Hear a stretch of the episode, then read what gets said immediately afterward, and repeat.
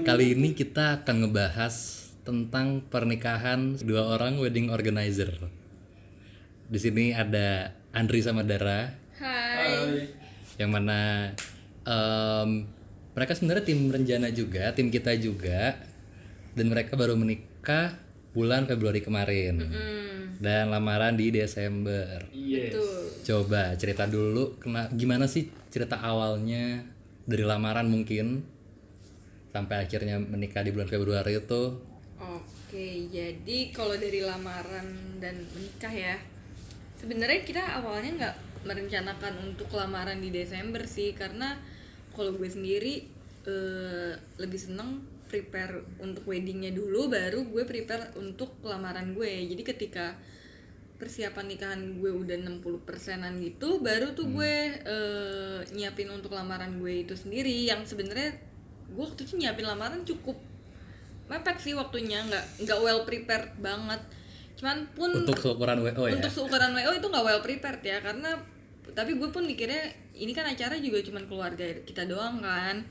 Terus paling teman-teman deket beberapa gitu. Jadi kayak ya udahlah gue nggak terlalu ngoyo pengen pakai vendor ina itu gitu. Jadi ya udah yang penting kalau untuk WO nya sendiri kan ya udah kita siap kapan saja jadi weekend ini gue bikin acara juga sebenarnya bisa-bisa aja gitu Dan tim kita juga sebenarnya kalau lamaran tuh lebih sedikit ya. Iya, Cuma. 5 6 orang di lapangan. apalagi waktu case gue itu kan tamunya to- eh, totalnya 100 kan Oke. dan iya nggak sih 100 Iya. Enggak. enggak deh 50 70-an lah dan itu juga venue-nya kan di rumah gue sendiri jadi nggak yang terlalu formal dan gimana atau gimana gimana banget sih dan dari pihak keluarga gue juga nggak ada tuntutan yang harus gimana gimana dan dari gue nya sendiri juga gue mau lamarannya nggak bertele-tele nggak banyak To the point aja langsung iya gitu. nggak banyak babi bu sambutan ina itu. Nggak jadi kayak lamaran nih kalau kalian pokoknya ya udah to the point. Tapi most of teman-teman aku pengen lo lamaran kayak aku.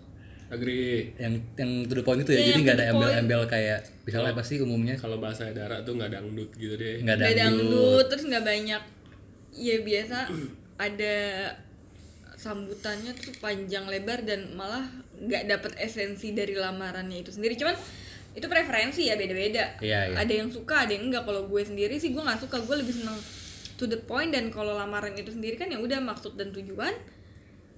Salam-salaman kenalan dari masing-masing keluarga kenalan mingle bareng udah selesai. Kayak gitu sih kalau Hmm. Gue. poin acaranya sebenarnya itu, itu kan. poinnya. Jadi ngapain harus bertele-tele gitu Nah kalau kalau dari Lundri em, buat lu yang sebagai WO udah berapa tahun? Setahun berarti ya? Setahun jalan jadi WO? Dua tahun? Dua tahun. Oh, dua tahun, dua tahun. tahun. Nggak, di di Desember itu tahun kedua Oke, dari tahun kedua lo jadi WO terus akhirnya lo berdua juga sebagai WO gitu terus nikah ngurusin lamaran sendiri tuh rasanya gimana Tendri? Buat elunya. kalau buat gue sih karena gue maksudnya dulu pas gue menjalani proyek-proyek lamaran di WO menurut gue lamaran itu no big deal sih. Kayak sesimpel itu lo cuman perlu teks lo cuman perlu approximate jumlah tamu lo berapa sesuai sama kursi dan makanan lo dan ya udah gitu aja. Cuman waktu gue yang menjadi CPP ya calon pengantinnya di lamaran itu ya terbalik sih jadinya. Kalau gue jadi gue fokus ke apa? Ini gue jadi calon gue fokus Iya, apa? itu udah pasti kan. Cuman concernnya udah beda ya? concern iya concernnya beda. Terus dulu kalau kita ngehandle lamaran orang kan kita nyiapin teks ya. Mm-mm. Nah, karena gua ngide waktu itu lamaran gue dan gua nggak pakai teks apa-apa, terus gua sambutan gitu mewakili keluarga gue yang literally belum ada yang kenal juga. gue ide aja gitu sambutan nggak pakai teks. Banyak AE AE-nya juga. Jadi ya di situ gue di di poin itu gue tahu sih kayak teks itu mungkin buat beberapa orang tuh penting walaupun mungkin lo nggak ngomongin semua yang ada di teks itu cuman poin-poinnya aja Ya gitu. sebagai guideline gitu ya. Iya, terus gue juga ngeh itu penting banget ternyata posisi lo naro eh, seserahan Mm-mm. karena Betul.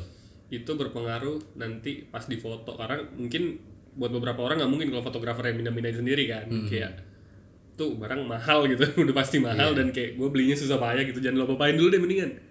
Jadi Nah, gini, sorry, sorry, potong. Jadi gini sebenarnya kenapa posisi penempatan seseorang ini penting itu sebenarnya jadi flow-nya gini buat yang nggak tahu begitu si calon pengantin ini em, duduk dan keluarga duduk itu acara dimulai fotografer itu iya dia eh, mendokumentasikan acaranya tapi di samping sela-sela itu juga dia fotoin nih seserahan mm, foto seserahannya dan hantaran balasannya itu di posisi yang udah disusun ini jadi dia nyolong-nyolong tuh di situ tuh. Makanya kita juga harus mastiin nih tempat yang buat ditaruh ini tempatnya proper Eh, mungkin kalau bisa dihias di dekor gitu kalaupun gak di dekor seenggaknya di foto oke lah gitu. Jangan asal taruh ya ditumpuk-tumpuk asal jangan kayak naruh naruh sepatu terus sepatunya ngadepnya ke belakang gitu kan. Iya, itu kan dia. nah yang kayak gitu-gitu deh tuh itu perlu diperhatiin itu tuh. harus diperhatiin. Terus terus sebenarnya mungkin part-part kayak gitu nggak akan kepikiran sih sama iya Iya. iya. iya si CPP dan CPW betul. Tapi karena kita CPP dan CPW sekaligus WO jadi ya itu concernnya jadi lebih banyak sih. Ya dan itu adanya pun di setelah gua mengevaluasi acara lamaran gua dan darah itu sih. Jadi tadinya pun gua kayak ya udah emang kenapa gua taruh situ? Nggak apa-apa pasti. Ah. yang penting ada ada Sekali. meja gitu kan ada ada Iya. space-nya ya udah. Iya. Cukup buat naruh sekian biasanya tujuh ya tujuh barang tujuh kotak gitu biasanya atau lebih. Iya tujuh atau lebih. Nah em, sorry sorry kita balik lagi. Itu vendor yang terlibat situ tuh apa aja? Selain wo nya kita kan berarti waktu itu lo pasti rencana kan? Iya. Kalau kita waktu itu cuman WO terus fotografer sama sound dekorasi. Sound. Dekorasi. Sound sama dekorasi itu jadi satu kan ya? Beda. Beda beda. vendor. Beda. Kan sound dari om gue. Hmm, Oh, oh, iya, iya iya, iya dari keluarga. Sound dari dekorasi keluarga, terus. itu kebetulan dekorasi juga eh, sebenarnya minimalis banget ya kalau itu banget. lihat ya jadi sebenarnya welcome ya sign. itu sama si Iya, main- backdrop foto. Iya backdropnya itu. sama ada hiasan-hiasan dikit ya. Iya cuman gitu dong sama yang di tangga. Sebenarnya Hmm. simple sih itu jatuhnya kursi-kursi gitu tuh mungkin banyak yang nanya biasanya kan tuh kursi dari mana kalau gue nyenggala nyelenggarain di rumah tuh dengan puluhan Nah. kalau kursi, kursi itu sendiri sebenarnya kalian nanti bisa tanya ada beberapa vendor dekorasi yang emang udah nyiapin kursinya Hmm, tapi biasanya itu beda ya biayanya dengan biaya dekorasinya itu sendiri dia add-on ya Iya, add-ons pasti. Tapi kalau gue waktu itu eh, mamanya Andri sih yang nyariin lagi. Jadi iya pasti kita nyariin good price kan. Jadi nyari sendiri eh nyewa. Jadi nyewanya beda lagi lah sama si Sama vendor dek- dekorasi dekornya. itu gitu sih. Sama Oh iya yang penting juga nih kalau acara di rumah itu AC sih. betul ini ya apa em, pendingin ruangan iya gitu pendingin ya ruangan yang apa sih kita tuh kalau gue tuh gue nyewa lagi AC Standing, standing, AC AC. gitu itu tuh penting sih karena waktu itu gue juga acaranya kan siang kan jadi panas Iya, Iya, lo dan- pasti dan kebayang rame.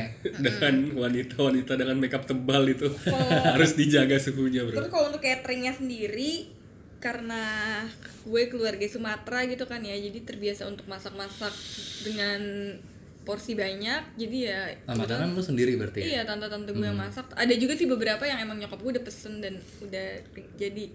Cuma beberapa masakan tuh karena gue kan kebetulan orang Aceh, tante gue bikin mie Aceh yang banyak gitu, ya udah itu bikin sendiri. Hmm. Tapi ada juga beberapa yang emang udah jadi dan beli gitu sih. Sebenarnya gue bener-bener Oke, oke. acara lamaran gue ini terbilang cukup simple sih. Iya. Simple kan nggak nggak nggak nggak meledak-ledak juga gitu acaranya ya iya. intimate lah. Intimate. Hmm. Dibilang ribet jadinya sebenarnya nggak terlalu ribet sih jatuhnya kalau menurut gue. Apa gimana? Kalau dari segi Gua- kalian ya, yang waktu itu kebetulan gue jadi dokumentasi di acara kalian kan. Mm-mm. Korlapak itu iPod ya? Kor- Korlapak itu iPod terus dibantu dua teman kita Au sama Karin, Iya. Au buat tandemin Andri dan keluarganya Karin buat tandemin Dara dan keluarganya. Iya. Nah sebenarnya yang ada satu hal nih yang pengen gue tanyain. Kan kalian tuh kan nikah muda dong berdua kan? Di sekarang mungkin umum ya Umum tapi, sih. tapi di skala umur pada Ya umumnya. masih masih terhitung muda lah.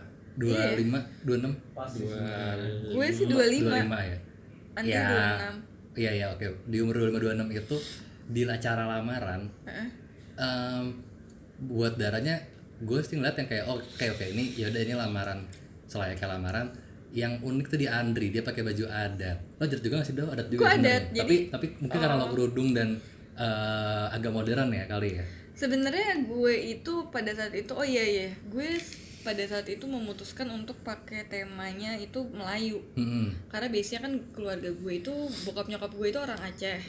Mm-mm. nyokap gue Aceh keturunan Arab. Terus dari keluarganya Andri itu Medan India China jadilah di situ kita budaya. iya jadi Cari garis kita cari cari garis tengahnya Medan dan Aceh kan tetangga kan. Oke. ya udahlah pasti ya udah jadi kita berdarah Melayu. Ya udahlah kita pakai kalau gue sendiri gue pakai baju kurung biasa dan songket Aceh. Hmm.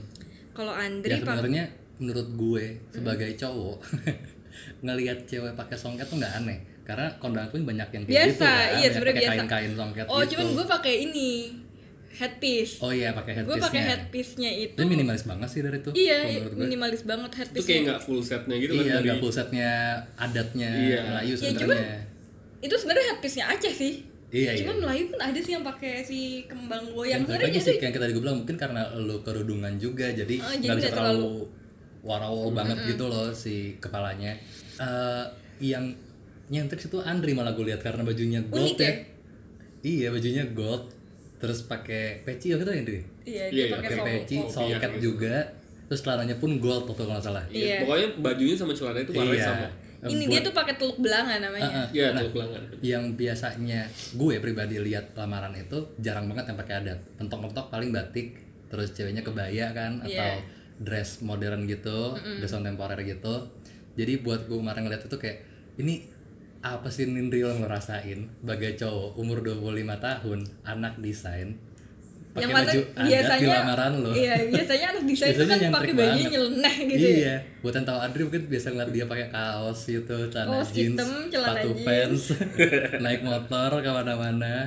Terus tiba-tiba di hari lamaran dia switch berubah tiba-tiba jadi ini adat full nih ini adat full nih gitu itu apa rasanya tuh gerahnya gimana Iya gitu repotnya. Sebenarnya kalau dibilang repot repot. Karena di keluarga gue nggak ada yang bisa makein kain Acehnya itu. Kain songket. Kayak kain songket itu.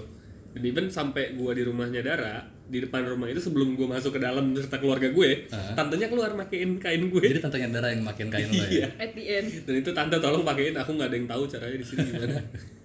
Kayak akhirnya dipakein. Itu ribetnya yang pertama cuman kalau dibilang eh, nggak nggak nggak sama sama yang lain mungkin karena di situ gua dan Dara itu nyari eh, apa sih yang bisa kita angkat nih dari dua dua kebudayaan kita ya? kebudayaan kita gitu. Kalau misalnya mungkin mungkin di luar sana kalau misalnya orang Jawa mau lamaran ya ada adat dan tradisinya gitu kan. Tapi pas di prosesi lamarannya itu ya mungkin batikan doang atau ya nggak nggak yang full banget pakai pakai atribut adat lah. Mungkin karena ribet gitu ya mungkin. Nah gua kan karena gua bajunya kayak baju koko biasa bedanya cuman si kain Songket songketnya itu jadi kayak dari ribet-ribet banget sebenarnya. Eh, tapi berarti em, keputusan untuk pakai adat itu bukan tuntutan dari keluarga pure kan? Emang kalian berdua juga pengen. itu Karena cuman gue sih. iya. Ya itu itu ibaratnya udah mood boardnya darah lah gue tinggal kayak kamu maunya baju apa Iya, dan lu setuju Ini. aja gitu kan? udah ya udah aku ikut aja kalau gue sih karena gue mikirnya itu sih tadi kayak kita kita berdua punya adat budaya yang hampir-hampir sama kan Medan dan Aceh terus kayak kenapa enggak gitu kita jadiin sesuatu yang ini Ikonik tuh gitu lah ya, kita banget loh sebenarnya. Melayu Oke. tuh sebenarnya kita banget ya kita orang Melayu gitu loh Mhm. Jadi di sini gue bisa nyimpulin kalian nggak mau ninggalin identitas kalian sebagai orang Melayu lah ya. Iya. Jadi Iya. sementara banyak sekarang anak-anak muda itu mikirin konsep nikahannya nggak mau ribut-ribut lah. Iya, Ada malah Iya, maunya iya, modern, modern Iya, gitu kan. Makanya itu gue liat kayak, wah nih, nih seru juga nih buat anak muda nikah dan segitunya mau orang mungkin nggak kalian doang, mungkin banyak juga di luar sana yang emang mau nunjukin adatnya. Cuman umumnya, umumnya kan kita lihat di nikahan orang-orang tuh biasanya pengennya yang casual aja, yang dress gitu. kita pun tadinya begitu sampai berubah pikiran eh tadinya kalau untuk lamaran sendiri sih kalau untuk tema Melayu ini gue emang udah semenjak ketemu Andri oke nanti gue kalau lamaran walaupun belum ada omongan nikah. iya belum ada tapi gue udah berpikir oke nanti kalau lamaran gue pengen pakai Kalau gue sama nih cowok nih. Melayu gitu kan karena ya udah Lu karena visioner emang anaknya iya gue udah menentukan mood board sejak pertama kali bertemu Eh gue boleh nanya nggak? apa Iya boleh dijawab boleh nggak sih. menurut kalian tuh penting apa sih untuk eh, kalian akhirnya memutuskan nih kan, Nonjolin adat itu. menonjolkan adat apa sih yang jadi excuse kalian tuh kenapa harus adat nih harus adat tetap ada gitu Nah, kalau di desain nih, karena gue mempelajari kayak setiap adat tuh punya, setiap daerah punya adat masing-masing. Adat itu kan kalau dalam bahasa lain artinya kultur. Mhm. Nah, kultur ini nih, kalau di Indonesia sama di luar negeri itu anggapannya beda. Oke. Kalau di Indonesia, lu dibilang orang nggak beradab, orang nggak beradat gitu ya. Mungkin karena lu nggak nunjukin adat lu. Misalnya lu orang, apa lu orang Medan gitu kayak gue. Cuman lu mungkin nggak pernah pakai baju adat Medan gitu. Ya itu yang membuat lu dibilang nggak beradab gitu. Karena lu nggak pernah nunjukin itu. karena Cuman- kebanyakan adat-adat Indonesia punya semua Ciri khas Ciri masing-masing. Iya betul. kok sopan santunannya kayak gitu Iya, ya. bahasanya, logatnya, masakannya, ya itu lain-lain. Beda-beda. Sedangkan di luar negeri, kalau lu dibilang uncultured tuh ya, nggak beradat, itu artinya lu nggak punya kesopanan. Iya. Nah jadi kalau Emang kita miskonsep di situ sebenarnya. betul, kalau kita gabungin, intinya kita nunjukin kalau kita masih menjunjung tinggi adat itu sendiri, normanya, kesopanannya. Iya, oke oke oke. Cukup Intinya menjawab sih. itu sebagai patokan lu ngelihat Andri ya dan kalian berdua itu sebagai pondasi untuk membangun rumah tangga Iya, situ juga lah ya ya. dangdut, mendadak dangdut. Bisa, bisa, bisa. Tapi ya memang iya sih, memang arahnya agak-agak ke sana tapi sih. tapi kalau aku pribadi sih enggak ya karena kalau gue ya basicnya kan gue juga bukan anak desain gitu kan Mhm. gue just because gue suka aja Lo suka sama adat itu gitu. gue suka aja ngelihat eh, pokoknya sama baju Melayu gue suka ngeliat cowok pakai teluk belanga gitu kan. Hmm. kayak bagus nih dan masih jarang gitu kan. Gue mikir orang-orang lamaran pakai batik tapi gue sama Andri gak ada orang Jawa? Ngapain pakai batik kenapa gitu gue kan? harus pakai batik? Kan kocak Iya, iya, make ya. sense sense, gimana gitu loh. Terus kalau pakai jas emang kita bule? Ya kan aneh ya udahlah ya kenapa nggak kita tonjolkan adat kita sendiri gitu loh karena Itu banyak orang yang belum menyadari ya kalau Indonesia banyak budaya-budaya yang Iya, bagus betul. bisa ya. diangkat ya dan dan sebenarnya juga kalau gue sih ngeliat kalau ngomongin soal adat ya gue sih ngeliatnya bisa kok sebenarnya adat tapi nggak terlalu neko-neko gitu Iya. maksudnya kalau mungkin nanti kita kapan-kapan akan ngobrol sama pemandu adat kali ya biar Iya. lebih valid omongannya cuman menurut gue menurut gue adat tuh bisa kok dikombain sama uh, kemodernan yang kita punya sekarang gitu. Bisa banget. kayak tadi mungkin Dara harusnya hiasannya kepalanya mungkin nggak full gitu karena konsep dan lain atau emang seperti itu itu mungkin ntar kita obrolin lanjut lanjut sama pemandu adat yang kompeten ya. Nah itu soal lamaran. Lamaran running well ya? Alhamdulillah. Alhamdulillah. lamaran running well ke eh, pernikahan nih pernikahan kalian kan di bulan Februari. Berarti kira-kira kalian punya waktu dari lamaran ya? Desember Eh, akhir ketemu Februari, Februari awal. satu bulan, Satu bulan, kurang lebih. iya. satu Satu bulan, bulan lebih lah. sedikit lah kira-kira ya. Ya akhir Desember pun lu tanggal 28 lamarannya. Iya. Nggak ada waktu lagi gitu. 29 Iya. 30 udah tahun baru vendor rata-rata libur biasanya iya kan. iya. Terus juga biasanya keluarga juga libur. Dan tadi lo bilang kalau lu tuh ngurusin nikahnya duluan. Udah 60% baru lo akhirnya akhirnya makanya last minute ngurusin si lamaran tadi kan iya nah itu bisa lo ceritain gitu persiapan apa aja yang lo lakuin pertama apa terus em, budgeting kalian berdua gimana Pertama ya. nabungnya atau apanya Oke, dari budgeting dulu kali ya kalau dari sistem nabung menabung yang pasti dari Andri sendiri. Andri kan pada saat itu sebenarnya kita agak challenging sih karena Andri tuh baru lulus kuliah Mhm. bulan Agustusnya. oke Terus tiba-tiba Desembernya lamaran Desember lamaran Februari gila nikah sebenarnya gila. iya iya. Cuman ya itu kuasa Allah sih balik lagi kayak rezeki nggak ada yang tahu tiba-tiba ya udah. Karena emang tujuan kita pacaran kan untuk menikah gitu kan. Jadi gue sama Andri pun udah kayak eh, komitmen untuk nabung gitu kan. Oke. jadilah uang uang rencana itu pun. Uang- uang gaji rencana. gaji rencana kita tuh udah kita tabungin sebenarnya untuk nikah. Ya dari situlah kita menghasilkan ke menghasilkan uang gitu kan oke Terus, dari budgeting, terus pasti udah discuss juga kan sama orang tua kita untuk masalah budget. Mhm. Yang kedua adalah kalau dari gue dan Andri sebenarnya BM-nya tadinya nikahan kita tuh temanya nasional, Internasional dan internasional outdoor. sih. Internasional dan outdoor. Internasional dan Ah. outdoor gitu kan. Gue pengen banget nikah di pelataran Cilandak. Bukan karena Renjana sering kerja di situ, tapi karena gue suka sama tempatnya gitu kan. Iya. Cuman karena banyak beberapa pertimbangan, jadilah nggak jadi. Terus kedua, bokap gue insist buat nikah pakai adat Aceh Oke, dari orang tua berarti itu pernikahan. iya ya? orang tua karena bokap gue eh, karena kan kedua orang tua gue kan orang Aceh gitu kan terus eh, concern gue adalah gue tahu kalau nikah adat itu pasti mahal kan Hmm. Pasti lebih banyak memakan biaya gitu Ya Sumatera rata-rata Iya, biasanya mewah gitu apalagi Sumatera, karena gitu. ni- nikahan Sumatera tuh grande banget coy. Iya. Maksudnya dari segi pelaminan aja lo nggak bisa pakai pelaminan gini, yang simple. Kalau kalau kita ngomongin yang di Jawa itu biasanya identik dengan sakral, ya kan? Kalau Sumatera tuh identik dengan grandenya tadi Iya itu. grande. Sumatera tuh harus Party kita tuh party sesuatu yang banget. besar gitu kan. Lu Iya. harus tercengang lah yang namanya, melihat yang namanya perayaan harus merayakan Iya, banget harus gitu. pesta gitu Iya, kan. betul. Gue tuh udah tahu maksudnya kalau misalnya adat nih pasti mahal gitu kan. Oke. Cuman ya udah karena di situ posisinya kan gue juga anak cewek pertama kan. Ya udahlah. Ya kalau kayak kapan lagi gue pakai adat Aceh Iya. gitu kan. Heeh. Gak mungkin gue tiba-tiba foto pakai sunting Aceh. Ngapain gitu Iya. kan.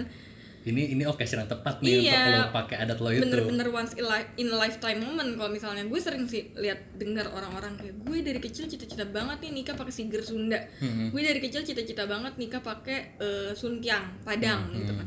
Tapi gue nggak punya cita-cita nikah pakai sunting Aceh karena emang aduh basic banget menurut gue nggak tahu ya kenapa padahal sebenarnya di Jakarta tuh cukup jarang loh orang yang nikah pakai adat Aceh Iya, gue juga jarang ketemu sih. Iya kan? Kalau mungkin kalau Minang masih banyak. Minang banyak gue sering Iya. Tapi untuk Aceh gue sendiri yang orang Aceh nggak pernah datang ke nikahan orang di Jakarta pakai adat Aceh gitu. Oke. Walaupun yang nikah orang Aceh. Walaupun yang nggak tahu sih gue. Oke, Iya. oke, oke. Karena kebetulan nggak punya gue nggak punya relation yang banyak orang Aceh gitu sih di Jakarta. Jadi gue kurang tahu ya. Jadi ketika bokap gue untuk nyuruh gue untuk pakai adat Aceh, itu gue agak mikir sih, oh oke ini juga buat bahan pembelajaran gue juga untuk rencana nantinya karena Oh masih bikin rencana. Gue mikirin rencana, banget karena- emang. pertama Renjana tuh nggak pernah ngehandle wedding yang adat banget Ya, apalagi yang Aceh itu kan jarang apalagi juga. adat Aceh karena jarang banget kan sebenarnya basicnya adat Sumatera itu kan setipe ya Ya, more or less. iya kita tuh mostly Jawa Sunda kita belum pernah dapat adat Sumatera terus di situ setelah gue pikir-pikir oh ya udahlah di sini kan kliennya gue sendiri gitu. Gue Iya. gue bisa nge, nge- apa ya, Ya, bisa jadi ngedirect pilot juga projectnya gitu ngedirect ini tuh gini, gini maksudnya gini gini gini. Akan lebih masuk juga ke eh, tim-tim gue yang lainnya. Ya udah akhirnya oke gue setuju pakai adat Aceh. Akhirnya vendor pertama yang gue temuin adalah vendor itu pemandu adatnya Pemandu itu yaitu KDD dari Cut Marlin. Nah, itu cara lo sampai akhirnya dapat itu tuh lo milihnya tuh gimana? KDD. Heeh. Atau emang Oh kebetulan abang keluarga? gue, abang gue itu nikahnya eh, pakai baju Aceh juga, tapi nggak yang fully adat kayak gue. Jadi Oke. gue udah tahu ya emang. Dan setahu gue ada eh, pemandu adat Sanggar Aceh itu di Jakarta tuh cuma ada dua. Mm-mm. Yang satu gue kurang Yang tahu. emang expert di Ya, adat Aceh gitu. Iya, yang emang orang Aceh nih. Oh, emang orang Aceh Heeh. kayaknya.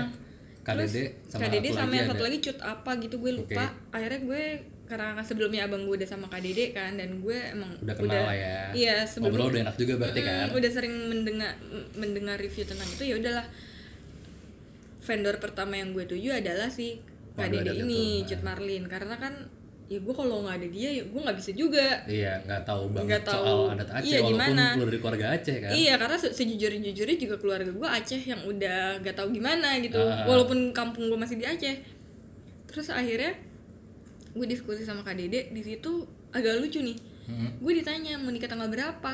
Jadi karena itu balik lagi keluarga gue gak ada kayak keluarga kita nih nggak ada yang kayak harus tanggal segini nikahnya Nggak ada gitu kan. hitung-hitungan tanggal Nggak ada gitu. hitung-hitungan tanggal. Pokoknya Februari tapi nggak ada yang ngasih tau tanggal berapa. Ada kepastian tuh. nggak ada akhirnya gue deciding sendiri bener-bener gue sendiri kayak Februari ya? Oke.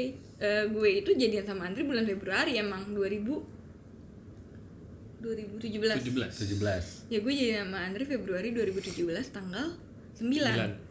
Hmm. terus Andri ulang tahun tanggal 11 Februari ya udahlah gue tadi gue mau nikah tanggal 9 itu karena weekend ternyata hari Minggu oh ya udah deh kita nikah tanggal 8 aja Sabtunya. Sabtunya biar karena Biar gue minggunya bisa lele iya, gitu lah. prefer nikahan tuh hari Udah Sabtu jadi suami istri lah ya. Iya. NFV jadi suami Heeh, istri. jadi ya udah ya udah eh simple as that Eh, tanggal 8 Februari aja deh kak. Gue kayak gitu ya udah tanggal 8 Februari Nah, dan tuh tuh tuh. Berarti lu nentuin tanggal sendiri. sendiri? Sendiri spontan. Spontan. Spontan ngomong sama satu vendor ini sama Iya. KDD kalau nikah tanggal 8 Februari.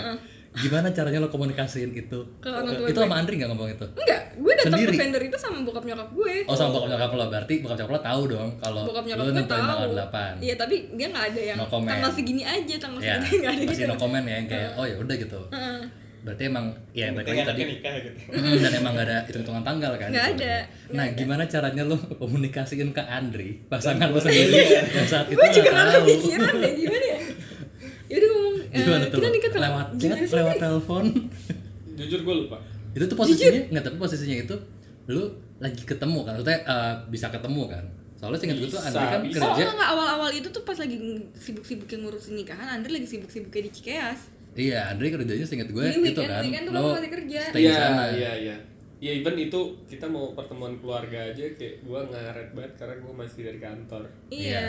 harus hitung harus nyari waktu yang gue cuman bilang ke Andre, yaudah kita barengan." tanggal 8 gitu deh kayaknya. Iya dan di posisi itu kayaknya gue udah ya udah gue serahin ke lu, gue Iya. cuman kerja keras aja dan, nyari dan duit lu juga udah gitu itu, aja. berarti kan itu kan sebenarnya kalau tanggal kan yang kita tahu umumnya biasanya diomongin ke keluarga kan Yes. karena yang tadi takutnya ada hitung-hitungan tanggal mungkin kalau di kalian karena emang gak ada hitung-hitungan tanggal akhirnya ya udah Yaudah. tanggal ditentuin aja nah lu Ndri kan lo tahu nih dari daerah berarti Iya. tanggal 8 kita nikah lu berarti komunikasi ke keluarga lu kan semua kan Lupa juga deh, kayaknya nyokap gue deh yang ngomong.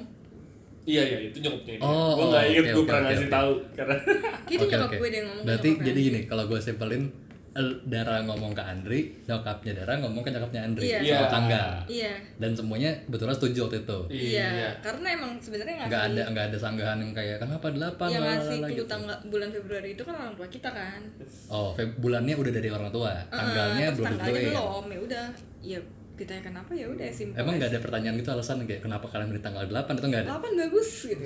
jawaban itu itu Enggak, beneran ada yang nanya itu nggak Tapi nggak ada yang nanyain juga kenapa. Jadi malah gimana? ada yang bilang Soalnya katanya menurut kalender Jawa juga itu lagi tanggal bagus Iya kayak katanya jadi tuh pada tanggal Lagi 8 pas itu banget ya. banyak banget yang nikahan. Iya betul oh Feng shui, feng shui. Eh, temen gue namanya kayaknya lagi tanggal bagus Jawa deh karena Ah. 8 Februari tuh 82 2 20 20 mungkin gue nggak ngerti sih Iya, ya tanggal iya, Jawa gimana pokoknya hari itu tuh lagi banyak banget yang nikahan gue nggak ngerti sih. Ih, di bayang gue tuh ada yang nanya gitu ke keluarga kenapa tanggal 8 gitu kenapa kenapa iya kenapa eh, 8 mamanya- terus jawabannya kayak iya kita soalnya Mamanya ini tanggal 9 mamanya Andri Gitu nanya Gitu, terus terus jawabannya? Iya, eh gua- jawaban ya, kalian gimana? bilang karena tanggal eh, kita ini tanggal 9 terus tanggal 11 Andri ulang tahun terus kan rencananya abis nikah kita honeymoon terus honeymoon gue sama Andri sendiri tuh nggak pernah liburan berduaan. Iya. At all. At sebagai all. ya, jadi ya udah berarti ini momen kita bisa liburan berduaan Andri Iya. ulang tahun kita ini pacaran ya udah udah jadi suami Ya istri udah, kan sekalian. ngambil ngambil paket iya karena ya paling banyak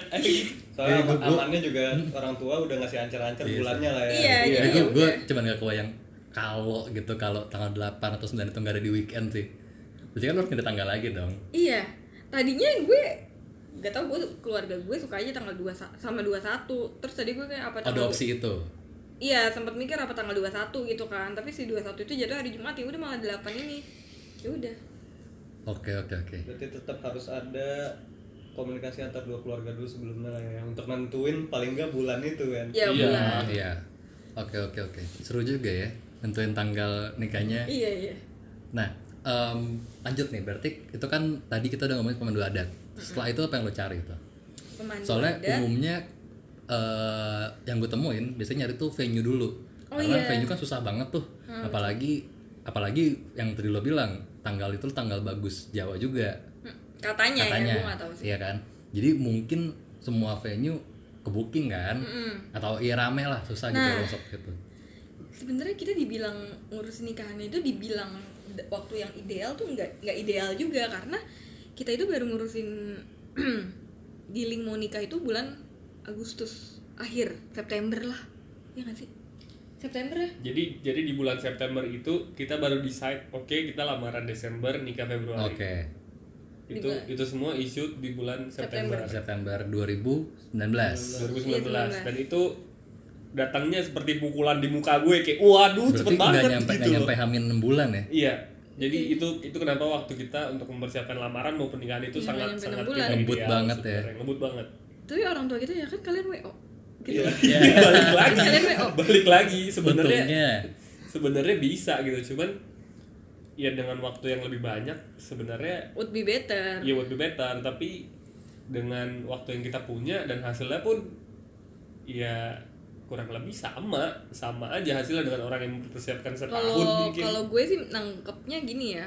Sebenarnya semakin lama lo ngurus nikah memang sampai satu tahun Iya. lebih gitu. Hmm.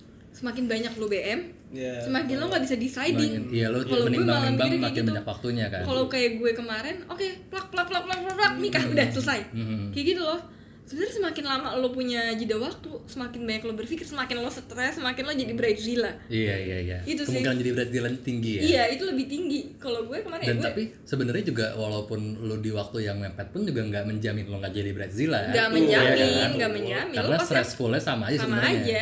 Tapi eh, Deadline-nya deadline-nya lebih deket iya gitu. nggak nggak lama-lama lo jadi nggak banyak bridezillanya nggak banyak celah untuk ini ini, ini ya pendapatnya itu iya Iya. iya iya benar selisih pendapat nggak ada Iya betul betul itu sih yang paling penting selisih pendapat dan itu men- menurut gue itu hal yang paling paling ini sih krusial krusial banget di wedding ya. nah Oke. kan, kan kalian udah tahu nih berarti kan gimana caranya solusi dari kalian apa ya? atau pertama apa dulu deh permasalahan selisih pendapat yang kalian alamin gitu Apa ya? ya mungkin di di di kasus gua dan Dara itu dua keluarga ini udah saling kayak gue mau nikahin anak cowok gue nih. Nah di seberang sana gue mau nikahin anak cewek gue nih. Yaudah gue ikut lo maunya Oh, apa? udah klop ya. maunya kita lo ikutin juga. Iya, iya, iya. ya udah kayak jalan aja gitu. Dan iya ya udah. Simple sih maksudnya sebenarnya untuk masalah keluarga ya kita sebenarnya yang yang agak mungkin yang agak sering kelewat ya bukan miss ya kelewat aja gitu. Em, pernikahan itu bukan cuman dua orang ini yang nikah kan juga menikahin keluarganya gitu. Iya, betul. jadi keluarga ini juga harus bisa ngobrol bisa komunikasi yang baik sebenarnya. Betul, betul. biar nggak banyak perselisihan. Iya, dan kalau itu sih yang gue bilang makanya kalau gue prefer kalau misalnya ada sesuatu better tuh kita aja yang ngomongin gitu loh. Maksudnya kayak gue dan Andri gitu sebagai Oke oke. Jadi em, yang gue tangkap tadi em, lo bilang nggak terlalu ngelibatin orang tua terlalu dalam berarti saat nyari vendor lo gerak sendiri lo dapat apa dari vendor Kalau lo gitu- bawa ke keluarga? Iya iya. Kalau gue kayak gitu. Soalnya kan kadang ada gitu ada yang sekaligus ngajak orang tuanya nih? Gue ngajak sih gue ngajak orang tua gue. Cuma sebenarnya gue ngajak orang tua gue lebih ke approval budget jatuhnya. Oh. Kayak gitu. Karena konsep udah setuju dari awal kalau barengan ya? konsep kan ya kayak kita konsep udah bareng dan kalau orang tua gue sendiri kan nggak tahu banget maksudnya yang mana yang bagus yang mana yang kurang bagus gitu kan. Terus gue lagi-lagi shout out to KDD ini yang bantuin gue milih vendor. Oke. kayak jadi kayak dia bener-bener bantuin gue banget sih KDD kayak gue tuh sama meeting sama nyokap gue sama KDD milih-milih vendor dekor gitu kan. Walaupun sebelumnya gue sendiri di Rinjana pernah bantuin klien gue untuk eh, nego-nego vendor ya. Mhm. cuman di sini gue bener-bener terbantu lagi sama KDD yang mana jam terbangnya kan jauh lebih jauh daripada Iya, kita banyak gitu kan. ya. lebih banyak referensi masuk dan gue lebih banyak belajar dari Hmm, situ. Gue seneng sih maksudnya ketika gue mempersiapkan wedding gue bener-bener belajar. Gue kayak lagi kursus nge WO tau gak bukan kursus nge WO sih kursus wedding planner.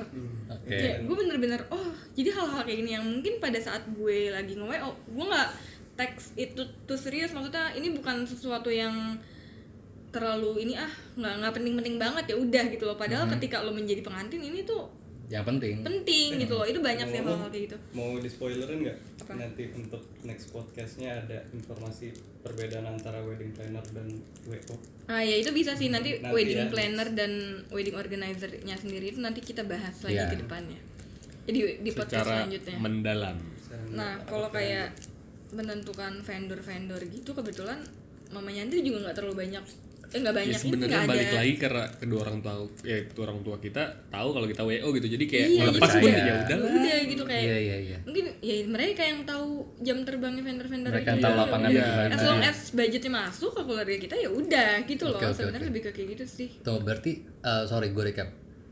Ketemu KDD berarti hamil berapa bulan tuh sebelum mereka? Setelah September berarti dong. Karena kan September, tadi baru deal September itu after juga. kita September itu juga minggu depan langsung. langsung. langsung ketemu KDD terus oh sama yang tadi cari venue ya iya cari venue itu gue galau Mhm. gue nggak mau bukannya gimana gimana ya gue nggak mau di gedung karena pertama gedung-gedung di Jakarta itu kan mostly pagi ya wedding malam wedding iya jadi tuh kayak hektik Satu hari aja dua acara. gue di sini nikah sebagai vendor juga kan maksudnya gue tuh wo juga jadi Iya, gue lo mau tahu gedebak gitu kan. gitu, Iya, loh iya. gue nggak suka gedebak gedebuk kayak gitu gedung-gedung sekarang tuh rata-rata serba paket gitu Iya, terus di Oh. ya gedung di Jakarta itu serba paket kan, gue nggak mau. Nah, itu nggak bisa Karena- ya itu kadang Iya. itu kadang ngebantu tapi kadang juga jadi ngebatasin buat buat Ngebatasin. uh, Bener, calon bener pengantin banget. yang Bener banget. udah nyiapin semua semua sebelum venue Iya, ya betul-betul jatuhnya jadi mematahkan konsep-konsep lo mengatakan sih. goals lu iya mungkin buat calon pengantin yang emang gak mau ribet dan pengen langsung beres diuntungkan diuntungkan tuh kita lo bisa nyari itu tuh bisa cari venue yang langsung paketan udah ada semua Iya, cuman kalau kalian mau explore, kalau menurut gue sih better kalian cari gedung yang emang nggak pakai sistem paketan. iya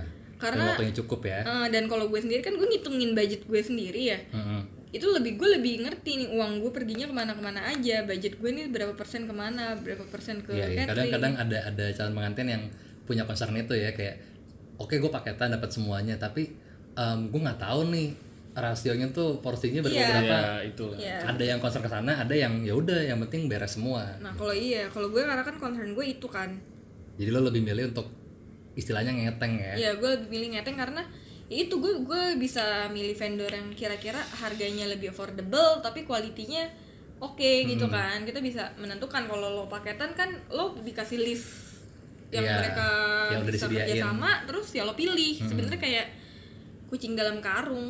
iya ada enak dan enggaknya sih masing-masing Iya. pilihan itu Ya, itu balik preferensi. lagi mm, balik lagi sebenarnya balik lagi ke waktunya Iya, betul. terus em, Kebutuhannya. kebutuhannya dan calon pengantinnya Dan seberapa eagernya lo untuk mencari vendor. Iya, kalau emang emang karakternya calon pengantin ini pengen yang paketan pun nggak ada salahnya nyoba Iya. paketan. Nah, itu kayak menjahit lah menjahit baju yang cocok buat lu atau lu beli jadi gitu Iya, yang perlu dinotis sebenarnya em, usahain semua vendor ini mau paketan mau lo istilahnya ngeteng tadi em, pastiin semuanya lo bisa ngobrol dan komunikasi dengan baik aja. Biar semuanya sesuai ekspektasi lo karena mau gimana pun kan ini acara yang nikah kan acara Yes. kalian yang nikah. Jadi itu yang perlu di di notice deh concernnya yang penting bangketnya kalian harus tahu detail seperti apa. Iya. Iya betul.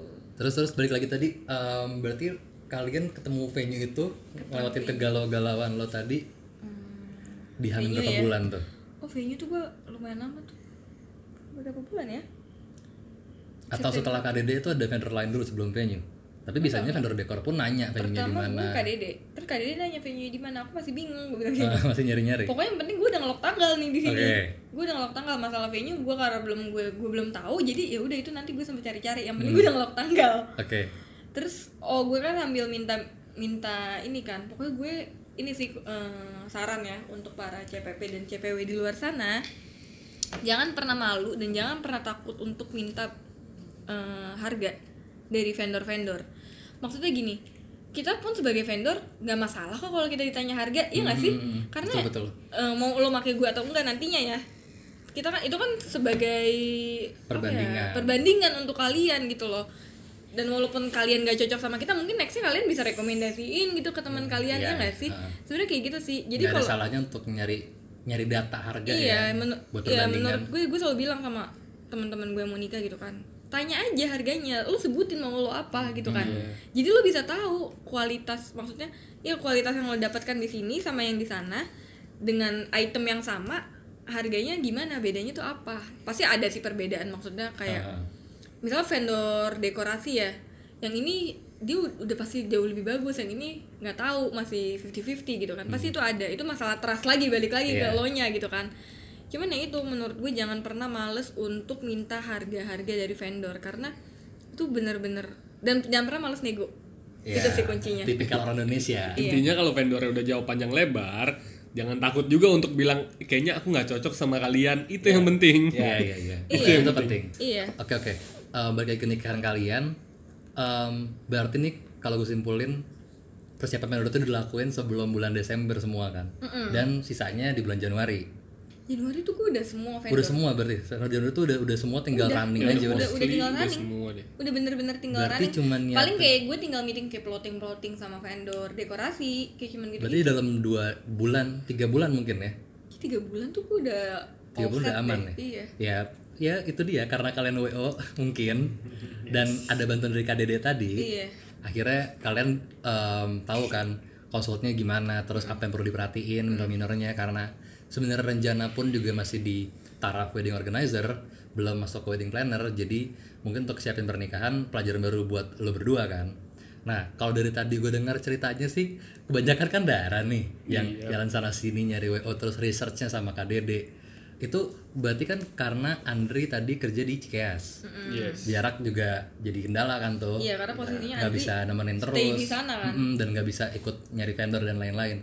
Itu kalian gimana tuh ngobrolnya? Pasti kan ada dong obrolan di belakang tuh yang kayak tadi aku ketemu ini ketemu ini lalala lalala. Terus buat seorang Andri nih rasanya dengan jarak yang sejauh itu nggak bisa turun langsung, tapi karena ya pas mostly laki-laki jadi penentu ya, bukannya patriarki ya, tapi mostly kan laki-laki mintain penentuan dong lo gimana nih kalau lo? Kalau gue gini gini gini gini gini gini. Ya, saya cewek gitu kan. Lo gimana nih Ndri? Dengan jarak itu ngebantu Dara ngarahin pernikahan kalian tuh. Sebenarnya itu penuh drama sih. Itu drama pernikahan gua ada di situ. Right on spot itu di situ. Gimana tuh? Coba coba. Jadi Dara ceritain. itu setiap hari setiap hari. Live update eh, live report iya live report selama bulan September sampai bulan Januari ya. Januari. Ya iya pokoknya ya selama pokoknya gue selama selama gue preparation lah. mempersiapkan lah. Even setelah lamaran gak sih? Iya. even setelah lamaran tuh dia selalu setiap hari nelpon gue aku hari ini ngomong sama vendor ini ini ini. Aku dapat ini ini ini. Dengan harga segini segini segini kamu pilih yang mana? Aku mau yang ini ya gue nggak bisa decide dong coy. Maksudnya ya lo nggak di sana. ya mungkin dengan dengan kata-kata ya gue bisa decide gitu kayak oh ya udah yang ini aja. Tapi ya kan deciding itu lebih dari itu semua lebih Hmm. dari cuma mendengar opsi dari pasangan lo gitu. Apalagi biasanya perbandingan yang lo dengar kan cuman harga kan biasanya. Iya. butuh riset lebih lah lu harus. Ya penentunya ya pokoknya banyak faktor lah untuk lo bisa nentuin. Cuman di satu sisi kalau gua nggak menjawab atau gua stuck gitu stuck dengan pilihan itu ya itu tips buat cowok-cowok di luar sana yang pasangannya lebih sibuk daripada kalian. Ya kalian sibuk dengan urusan kalian masing-masing lah ibaratnya. Ini ini sakral banget untuk tetap menjaga mood pasangan kalian supaya nggak kelihatan mereka yang sibuk sendiri. Lo kayak ya cari-cari apa kek? Kayak baju wedding Aceh gitu misalnya lo cari aja gitu. Berarti lo research juga sebenarnya? Gue sebenarnya research tapi untuk somehow yang dia kasih ke gue tuh nggak gue nggak butuh gitu loh. Ya karena gue lakukan apa yang gue bisa kan. Ah. kalau misalnya gue dianggap tidak bonafit dengan research gue ya memang segitu yang gue bisa cuman seenggaknya Seenggaknya jangan- seenggaknya lo nunjukin kalau gue juga mau ngurus Iya, seenggaknya gue tahu kayak itu tuh tadi aku lihat di Instagram ada tuh yang gini gini Iya, gini. emang, emang gue nggak nggak pernah ketemu Groomzilla sih Iya, Pak. pasti Kayaknya selalu Bridezilla karena emang mereka lebih gencer kan Iya, pasti. dan wajar dan wajar dan goals mereka mungkin dua atau tiga kali lipat dibanding goals yang cowok-cowok gitu. Iya, karena mereka biasanya udah bucket listnya ada Iya, sendiri bakat listnya udah banyak sendiri, terus udah punya dream wedding dari umur berapa gitu kan. Eh, intinya lu juga nggak nyerahin semuanya ke Dara kan sebenarnya. Sebenarnya enggak. Walaupun iya Tapi yang terjadi di lapangan adalah Dara itu yang menentukan segalanya akhirnya. karena at the eh karena ya itu Andre kan sibuk Mm-mm. ya jadi ya udah gue Dan sebenarnya pun eh, lu live report ke Andri, sebenarnya itu juga em, di- selain lu yang ngurus semuanya, lu tetap butuh backup dari Andri kan. Lu Iya, butuh iya. butuh kayak, oke Andri juga setuju nih. Iya, Andri iya, juga iya, harus tahu dulu. gitu sih. Bukan semena-mena kayak Dara yang tahu lapangan, Andri jauh udah deh, Andri gak usah tahu apa-apa, yang Iya. penting beres nggak gitu kan. Ya walaupun begitu pun gue pun ikut di di Ya, at least- momen-momen kayak ketemu vendor untuk dealing nih, untuk pilih paket nih, ya itu gue ada di situ. kamu ikut cuma satu kali Dua, aku ikut ketemu KDB. Kita pernah ke ke acara Wedding ini Expo. wedding expo juga. Maksudnya ya jangan kelihatan idol banget gitu guanya gila kali lo. Enggak, enggak Enggak, segitunya. tapi gua. tapi yang bener kamu ikut dealing vendor yang benar-benar dealing cuma satu kali Iya, dan Itu itu, yang karena sekalian jalan-jalan. Enggak, enggak, itu karena kamu paling bingung. Kamu Iya, paling iya. bingung. Iya. Ya intinya di- ja- jangan tinggalin mereka di saat mereka paling bingung. Iya. Karena kalau itu udah tinggalin lo bisa-bisa cancel coy nikah. jangan sampai Krusial ya. jangan sampai. orang kalau udah tenggelam ya kayu daun juga diambil gitu Iya. pokoknya pokoknya buat buat cowok-cowok yang mau nikah dan di saat cewek lo yang lebih sibuk buat nyiapin pernikahan siapin mental baja siapin jawaban 1001 buat menenangkan dia pokoknya intinya itulah yang paling penting itu Terus tadi kita udah ngomongin vendor-vendor persiapannya pas lagi hari H-nya nih. Pas lagi hari H itu gimana tuh ceritanya? hari H ya Mm-mm. Venue-nya BTW di mana? oh ya kita akhirnya venue nya di Royal Kuningan Di Royal Hotel. Kuningan. Setia Budi ya Jakarta Setia Budi Eh, pada saat hari H jujur ya oh gue nginep di hotel kan Hmm. Hamin satu tuh gue nginep sama teman-teman deket gue karena sebenarnya kalau sama keluarga jatuhnya gue bakalan lebih stressful sih. Hmm. kayak ini udah belum itu udah belum kayak gitu. Jadi Iya. gue hamin satu tuh gue gue tuh sebenarnya pengantin yang cukup mandiri ya. Gue hamin satu bawa semua souvenir souvenirnya dari rumah gue sendiri. Gue nyetir sendiri ke venue gue ke hotel itu. Gue nginep sama temen gue.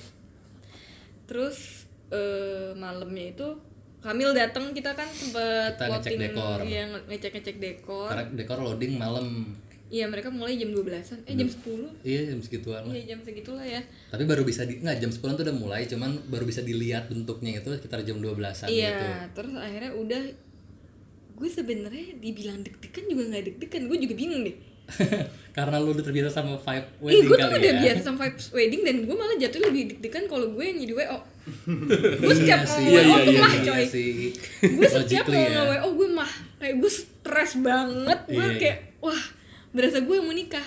Cuman kemarin pas gue mau nikah gue kayak lebih ya udah santuy, gue makeup biasa. Gimana ya?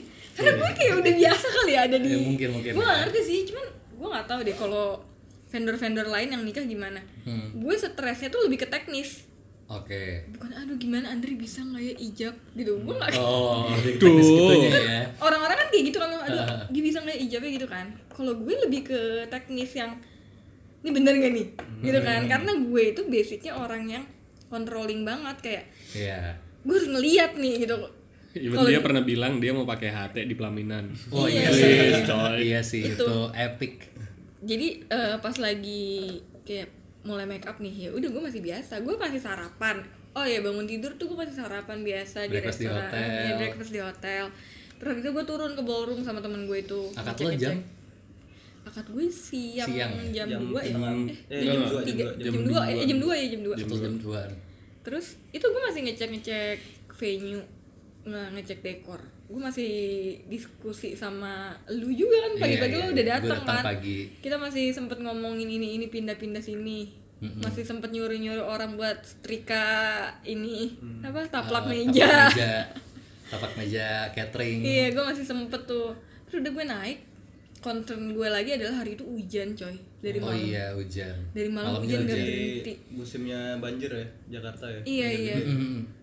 Wah gue udah panik kan kalau takut-takut lagi nih. Kayak Januari terulang kan hmm, ngate lah. Walaupun pada saat itu posisi nikahan gue aman sih kan di kuningan kan. Iya. jadi kayak nggak ada banjir sih sebenarnya di sana. Tapi Cuman- hujannya cukup cukup jadi ini sih jadi pertimbangan Iya, gitu. itu ini hujan gimana tamu? bikin gue panik. Takutnya ya ta- tamu eh, tamu gue kebanjiran nggak bisa datang kan Iya, lucu iya. gitu kan. Terus ya udahlah dari situ gue make up segala macam. Kebetulan make up artis gue juga gue udah kenal jadi kayak gue lebih santai deh gue sumpah santai banget gue juga gak ngerti. Kalau gue pikir-pikir ya kenapa gue santai banget gue juga gak ngerti. Terus sampai kalau kalau lu Ndri gimana Ndri? Di hari itu Ndri? Soalnya kan gua itu sebagai korlap acara itu gue datang pagi cuma masih ada Dara dan teman-temannya doang di kamar. Um, gue jam 10-an dong gue kira-kira ya? Iya. Jam 9 jam 10 Sembilan. sembilan ya segituan gue datang pagi. Terus kebetulan rencana dapat ruang WO di Royal Kuningan. Akhirnya gue taruh barang-barang semua gue siapin rundown-rundown yang udah di print gue taruh di situ. Terus gue ketemu Dara ngobrol-ngobrol-ngobrol kita omongin dekor lagi yang tadi Dara bilang. Dan Andri belum datang tuh. Andri belum datang masih di rumah. Eh, lu hari itu gimana tuh Andri? Hari pernikahan lu? Gua pikir otak gua akan lebih overload lagi. Ternyata enggak. Gue pikir gua akan lebih gemeter lagi pas ijab kabul tapi ternyata enggak. Pokoknya jadi ada hal yang gue pelajarin pas gue jadi WO untuk how to act like the the grooms gitu. Heeh. Karena pas gue nge-WO gue sering merhatiin gitu kan. Gue gua juga beberapa kali kan jadi pendamping PIC-nya pengantin ya. iya PIC-nya pengantin prianya kan. Terus gue merhatiin gitu gimana sih pembawaan orang gitu kalau udah mau ijab kabul, gimana Nervousnya sih pembawaan gimana? iya nervousnya kayak apa sih? Karena gue udah sering ngeliat gitu ya. dan lu sering nenangin juga biasanya ya Iya iya itu juga. Jadi kayak gue mikir apa sih yang mau gue khawatirin gitu nggak ada. Gue cuman mikir itu adalah ini ijab kabulnya ada teksnya nggak? Itu itu jadi Iya, pertanyaan iya, gue iya. soalnya Padahal Eh, gue itu gue sebenarnya- nanya itu gue nanya itu kok padahal itu sebenarnya kita yang itu gue biasa yang suka naruh-naruh Iya, ini. iya iya iya jadi waktu itu ada deh pokoknya satu hal yang gue tanyain di dalam ijab kabul itu. Eh, pas kawin? Iya mas kawin. Disebut atau enggak? disebut atau enggak sama saya terima nikahnya atau saya terima nikah dan kawinnya. Iya. terus pokoknya jawabannya entah dari iPod atau dari lu gitu. Bilangnya pokoknya ikutin aja bokapnya bilang nikahnya dan Iya, kawinnya itu. Kalau bilang nikahnya ya nikahnya aja. Iya, oke karena- kalau gitu. Karena flow-nya kan ijab dan kabul kan dinikahkan Iya. sama uh, perwakilan keluarganya atau biasanya orang tuanya Iya. yang nikahin uh, pengantin prianya tinggal sebenarnya secara nggak langsung nge-retweet sih kayaknya ya. Iya, Ngulang benar-benar omongannya gitu aja. doang. Iya. Tapi bedanya yang pertama saya nikahkan, kalau yang cowoknya ngomongnya Saya terima. terima nikah dan kawinnya atau saya Yes. terima nikahnya aja. Terus Udah terus sih itu doang yang gue pikirin sama abis memang itu sebenarnya dari berdasarkan pengalaman kita juga yang paling krusial itu masa-masa akad, ya. Iya, Iya. emang karena sebenarnya inti acara itu kan di akad Di ya. akad. Eh, resepsi itu em, konsepnya cuma perayaan, Pesta. pestanya, pestanya kalau udah ini udah nikah gitu, ini selebrasinya gitu. Iya. Tapi seremoni itu kan jatuhnya ibadahnya Iya, akadnya itu gue bener-bener tapi ya sebelum akad itu gue bener-bener ya udah satu turun gitu kan gue ikut timekeeping juga ya kayak Iya. gini karena gue biasa kayak gitu dan gue sering banget jadi pendamping CPW Heeh. jadi gue udah tahu ritme gue harus ke sini gue harus ke sini harus itu gue ke sini harus itu gue itu jadi kayak gue udah biasa gue udah tahu ya? iya udah Template, template template, jadi kayak pas momen gue lagi nunggu di ruang transit ya itu sama seperti momen yang gue rasakan ketika gue lagi nemenin pengantin duduk, gue ya kan? bahkan pada saat gue duduk Karin tuh masuk dulu ke dalam kayak eh gue mau ngecek dalam dulu apa gimana gitu ya udah gue sendiri di ruang WO Hmm. oh, gue karena gue disuruh nungguin di ruang bridesmaid sebenarnya ah gue di ruang WO aja lah ada ilham soalnya waktu itu. Iya, iya. Masih ada perasaan WO nya. iya gue di ruang WO aja. Di ruang WO gue masih sempat update Instagram coy. Lagi nunggu nih gitu. Sumpah, kayak gue update IG captionnya apa ya tuh? Ya officially bener-bener today us becoming one. Ya, bener itu momen. Aduh. Mantap. Berarti tipsnya untuk pasangan-pasangan yang baru mau menikah tuh saat akad kalau bisa dicari tahu dulu rundownnya ya. Iya, lo Di- sebenarnya dipahamin lah. Dipahamin. dipahamin Biasanya soalnya gini, biasanya eh, sebelum technical meeting itu kita harusnya kita akan ada meeting keluarga biasanya. Jadi Iya. kita WO-nya akan ngebantu arrange waktu dan tempat buat eh, ngumpulin nih calon pengantin sama keluarganya di satu tempat, satu ruangan. Kita breakdown abis rundownnya biar semua pihak yang terlibat itu tahu. Jadi nggak ada yang biasanya kalau di hari H nanya-nanya tuh bikin ribet kan, Betul. bikin senewan sana sini gitu. Kita sih WO-nya akan tetap menjawab, cuman untuk memaksimalkan itu kita efisiensi waktunya di hari H kita lakuin itu sebelum technical meeting. Iya. Technical meeting kita tinggal omongin itu ke vendor biar vendor-vendor juga tahu gitu kan. Iya. Nah pas lagi rapat keluarga ini mungkin calon pengantin dan keluarganya bisa Take note lebih banget ya buat kita uh, take notes banget diperhatiin rundown itu gimana terus tetek bengeknya apa nih karena sebenarnya ketika gue pikir-pikir kayak orang deg-degan karena Mereka nggak tahu. gue bakalan diapain Iya, gitu kan Mereka nggak tahu harus ngapain gitu. iya ya. karena mungkin gue juga setelah gue merasakan gue yang jadi pengantin dan gue pernah menjadi WO oh gue lebih deg-degan WO kesimpulannya Iya karena sebenarnya kalau gue sih nangkepnya kayaknya karena ini ya karena Tanggung karena jawab, tanggung jawabnya ini Iya. acara acara pernikahan orang lain gitu dan kita hidup gitu loh. iya dan kita di situ sebagai key holdernya nih kita kita Iya. juru kuncinya nih untuk ngelancar acara ini. Jadi makanya kita lebih deg-degan di situ. Nah terus pas lagi acara nih yang gue inget akad kayaknya fine fine aja kita ya. Kita nggak terlalu banyak masalah waktu di akad. karena gue sebenarnya pun akad kita juga ya itu lagi-lagi. Nggak ada adat yang gimana gimana gimana iya kan. iya. Eh, dan Nggak nanti ada mungkin sungkeman, yang eh, ada. oh iya nggak ada sungkeman juga. ada. jadi habis kayak kan langsung foto-foto mungkin nanti buat yang penasaran nih bisa dicek di IG-nya Renjana. Itu tempat akadnya sih lumayan wah sih itu. Buat- gitu. itu itu keren banget pakai flooringnya kaca Flooringnya tuh ya. Kaca. kaca lampu di mana-mana Iya. terang di tengah-tengah ruangan ballroom hotel Royal Kuningan. Ntar cek aja di Renjana. Oh iya tema akad lo itu em, sebenarnya dibilang adat juga ada adat tapi Sebenarnya iya ada adat iya atributnya ada. Atributnya tapi, tapi kita nggak prosesinya tidak tidak mengikuti adatnya. Oh jadi prosesinya. hybrid lah hybrid. Iya iya, kontemporer ya. Yes. Isu kontemporer ya. Kita Unsur tuh- Indianya. iya kita pakai baju India pada saat itu. Ini kita mundur lagi jadi ya ke iya nggak apa nggak apa karena eh, pas kan ya udah keluarga gue resepsi Aceh nih. Karena bokap nyokap gue dua-duanya Aceh. Nah, terus gue akad pakai apa? Biasanya kan eh, mix kan keluarga cowok keluarga cewek gitu kan. Terus gue bingung lah Andri ini orang apa sih? Dia orang Medan tapi dia bukan orang Medan gitu loh. Dia orang kakeknya India neneknya neneknya China. Gue bingung apa ya?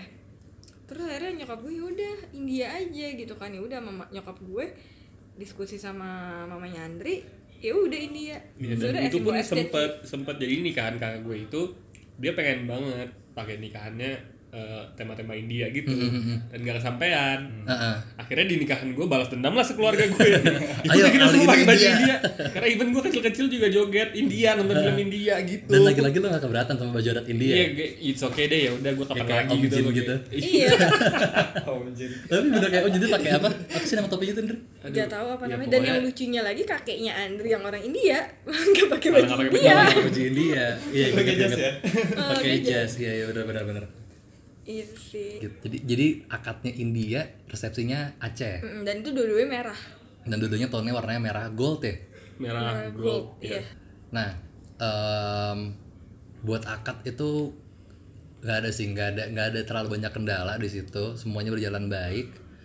Em, pas resepsi ini gue sebagai koordinator lapangan di hari itu ada satu problem yang gue sama iPod hadepin.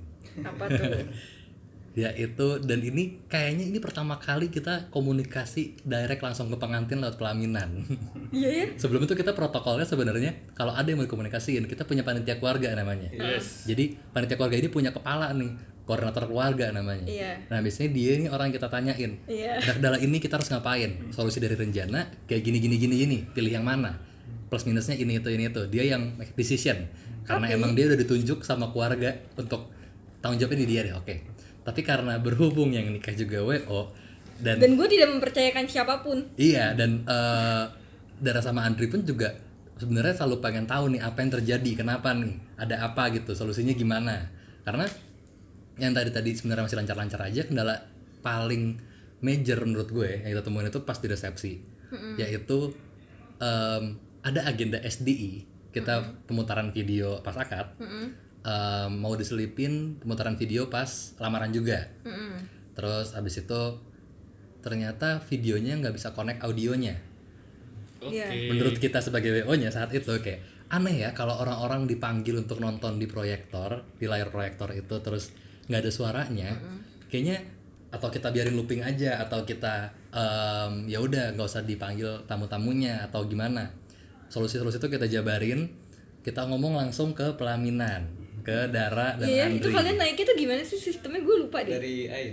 dari Ain. Jadi Oh, Ain ada naik ya? iya ada PIC eh, Dara kan Karin waktu itu. Karin langsung naik ke pelaminan.